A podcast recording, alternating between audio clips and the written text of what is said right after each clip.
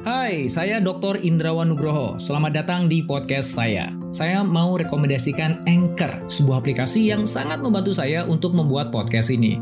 Layanan Anchor itu gratis dan kamu bisa download di App Store atau Play Store atau bisa juga diakses di websitenya www.anchor.fm.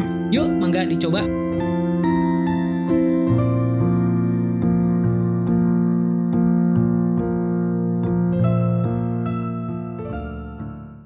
Apple dan Intel telah membuktikan teori disrupsi yang dikeluarkan oleh Clayton Christensen 25 tahun yang lalu.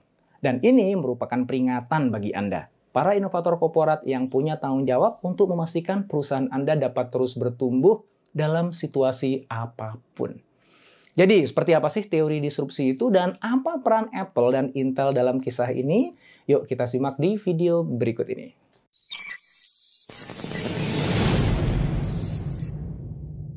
25 tahun yang lalu, tepatnya di pertengahan tahun 90-an, Clayton Christensen menjabarkan teori disrupsinya pada Andy Grove, CEO dan co-founder Intel pada saat itu. Andy langsung terinspirasi.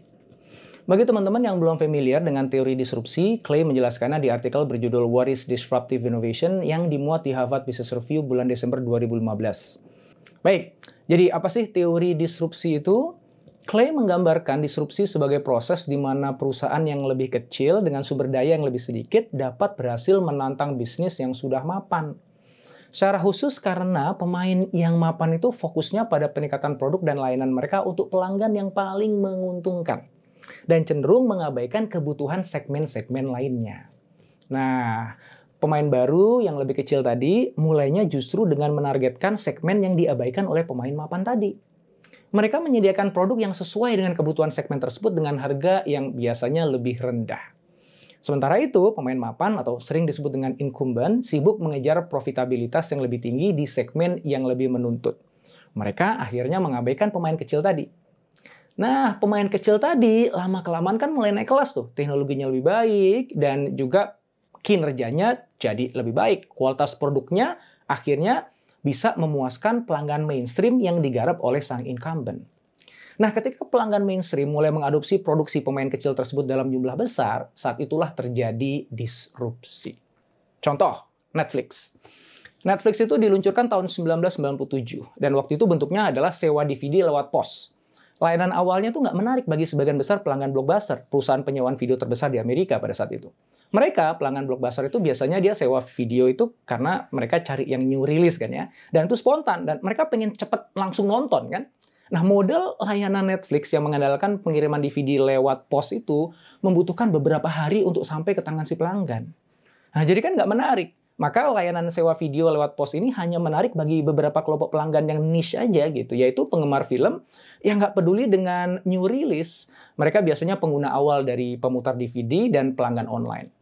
Nah, Blockbuster akhirnya memutuskan untuk mengabaikan pesaing ini. Selain merasa nggak terancam oleh layanan Netflix, logikanya adalah kedua perusahaan itu memenuhi kebutuhan yang sangat berbeda untuk pelanggan yang berbeda. Namun karena kemudian teknologi berkembang, akhirnya memungkinkan Netflix beralih ke video streaming melalui internet. Dan perusahaan tersebut pada akhirnya bisa menarik pelanggan Blockbuster. Kenapa? Karena Netflix menawarkan pilihan konten yang lebih luas dengan tontonan sepuasnya, sesuai permintaan, kualitasnya tinggi, mudah, nyaman diakses, dan harganya rendah. Akhirnya, semua pelanggan Blockbuster pindah ke Netflix. Blockbuster gagal merespons secara efektif proyeksi pengembangan produk dan layanan Netflix. Itulah yang jadi penyebab runtuhnya raja penyewaan video tersebut. Hai, sebelum kita lanjut podcastnya, kamu sudah pernah dengar Anchor kan? Anchor adalah all-in-one podcast editing platform yang saya gunakan untuk rekaman, edit suara, tambah lagu, dan semua hal dalam pembuatan podcast yang sedang kamu dengerin ini. Anchor bisa membantu kamu bikin podcast kamu sendiri loh. Caranya gampang, tinggal download dari App Store atau Play Store, atau bisa juga diakses di www.anchor.fm. Download Anchor sekarang ya, Oke, udah kebayang ya disrupsi ya. Sekarang kembali ke Intel dan Andy Grove. Terinspirasi oleh teori disrupsi, Grove mendorong Intel untuk melakukan sesuatu yang jarang dilakukan oleh perusahaan, yaitu meluncurkan produk dengan margin rendah yang mengkanibal produk-produknya sendiri di kelas yang di atas. Tapi akhirnya Intel melakukannya. Mereka memperkenalkan prosesor Celeron pada tahun 1998 dan itu memang mengkanibal prosesor Pentium mereka sampai pada tahap tertentu ya. Tapi juga memungkinkan mereka untuk menangkap 35% dari pasar tempat mereka bersaing. Mungkin yang lebih penting lagi, Celeron berhasil menghalau ancaman dari segmen yang ada di bawah. Nah, bermula sebagai produk yang inferior, kemampuan daya komputasi Celeron meningkat secara drastis sejalan dengan waktu. Hingga akhirnya mampu melampaui kinerja produk incumbent.